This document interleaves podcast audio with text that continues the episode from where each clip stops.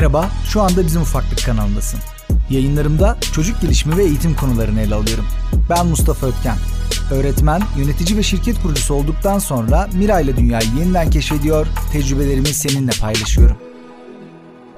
Bizim Ufaklık yayınlarının dördüncüsüne hoş geldin. Bu bölümde modern anne babaların hayali çocuğuyla arkadaş olma durumu üzerine konuşacağım.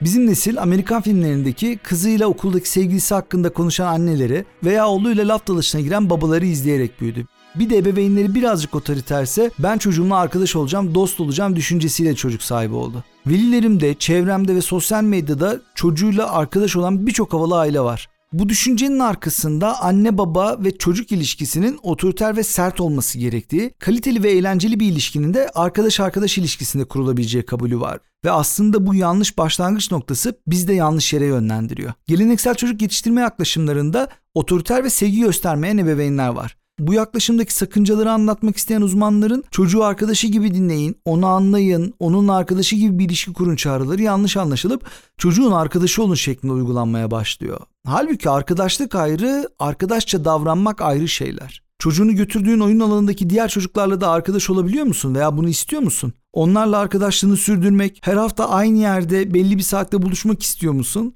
Öyleyse aslında kendi çocuğunla ilgili de böyle bir isteğin yok. O zaman önce bir arkadaşlık kavramı hakkında biraz konuşayım. Arkadaşlar çeşitli sebeplerle tanışmış kişiler ve ortak paydalarının çokluğu sebebiyle bu ilişkilerini devam ettiriyorlar. Böyle bir sosyal ilişki ve arkadaşlık ilişkisinde iki tarafında üstünlüğü söz konusu değil.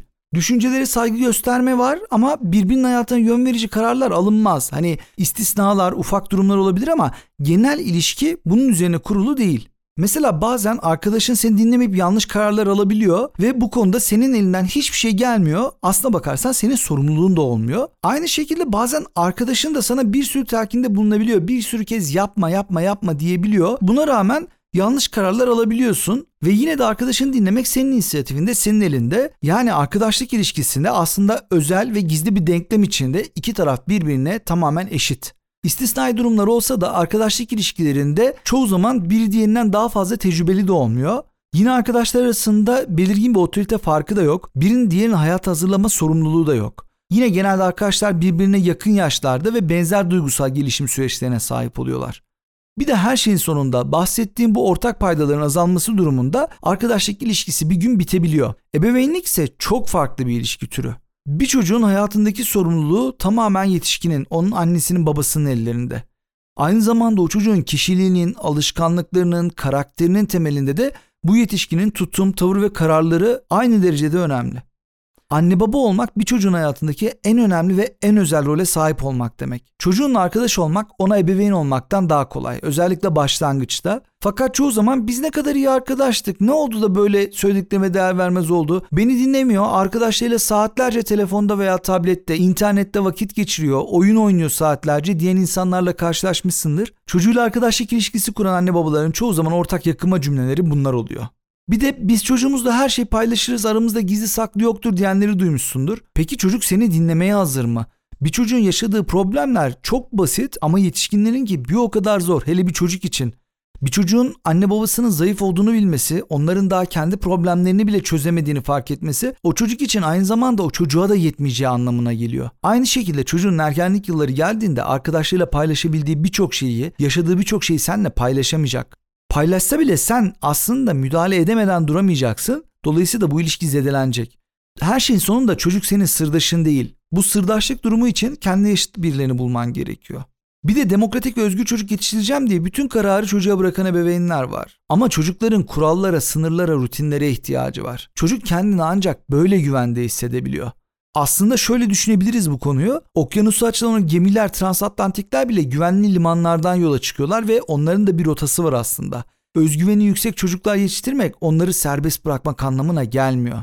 Yine de yaş bu noktada önemli bir faktör. Çocuk 36 aylık olana kadar ebeveynler tam otoriter olmalı. Bu çocuğa bağırıp çağırmak veya sert bir şekilde ona kurallarını uygulatmak değil tabi. Sadece bir kural varsa veya bir karar varsa bazen çocuğun ağlamasına bakmadan bu kuralın uygulanması gerektiğinden bahsediyorum. 3 yaşından sonra çocuğu kurallara dahil edebilirsin. Kış günü tişörtle şortla dışarı çıkmasına izin vermeyeceksin tabi ama ne renk giyeceğini seçebilir mesela. Ya da senin belirlediğin yiyecekler arasından seçim yapabilir. Bunu yemek istiyorum, bunu yemek istemiyorum diye.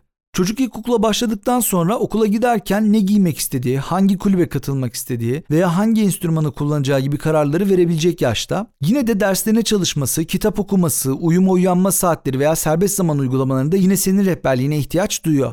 Genele bakarsak arkadaşça davranan, özgür ve kendine yetebilen bir çocuk yetiştirmek isteyen anne babalar çocuğuyla hayatı ve deneyimleri paylaşıyor. Onunla bebekken bile konuşuyor ve kuralları daha çocuk sözlü iletişimden anlamazken bile paylaşıyor. Yani yemeği yemeden önce önlüğünü takmamız gerekiyor veya akşam yatmadan önce dişlerimizi fırçalıyoruz der gibi. Yine böyle anne babalar çocukları konuşmaya başladığında onun anlamsız hecelerini bile dinler ve onu anlamaya çalışır. Çocuğun kendi dili olduğunu öğrenir ve çocukla gerektiğinde o dil üzerinden bile iletişim kurmaya çalışır. Çocuk kendi kararlarını vermeye başladığında da onu destekler. Hatalarında çocuğu eleştirmez. Hmm bak böyle yaptığın için böyle oldu demez. Sadece ders çıkarmasını, çıkarımlarda bulunmasını destekler. Yani öz eleştiri ve yansıtıcı düşünme süreçleriyle durum değerlendirmesi yapar. Çocuğunun karar verebileceği her an ona üstünlük verir, ona seçim şansı verir ve çocuk hazır oldukça bu kararların seviyesini ve sorumluluklarını biraz daha yükseltir. Yine de süreç boyunca kontrol hala anne babadadır. Çocuğun doğru yönde ilerlemesine teşvik ve yaptırımlar kullanılarak rehberlik eder. Kısacası çocuk küçükken ebeveynlik rolünü, üniversite çağı yaklaştıkça da danışmanlık yani mentörlük rolünü üstlenmek bence en faydalısı olacak. Tekrar ediyorum. Bu sürecin tamamında arkadaşça davranabilirsin fakat çocuğunla arkadaş olmamalısın. Bu konuda sen ne düşünüyorsun? Bana bizim ufaktaki Instagram sayfasına ulaşıp bir mesaj atarsan çok mutlu olurum. Bu konuyla ilgili hazırladığım yazıyı da blog sayfamda bulabilirsin. Bu çalışmalarda motivasyonumun artmasını istersen çevrendeki diğer insanlara da beni takip edip dinlemelerini söylemen yeterli olacaktır benim için. Çünkü bu sayıların gün geçtikçe artması beni çok mutlu ediyor. Bir sonraki bölüme kadar kendine iyi bak. Görüşmek üzere.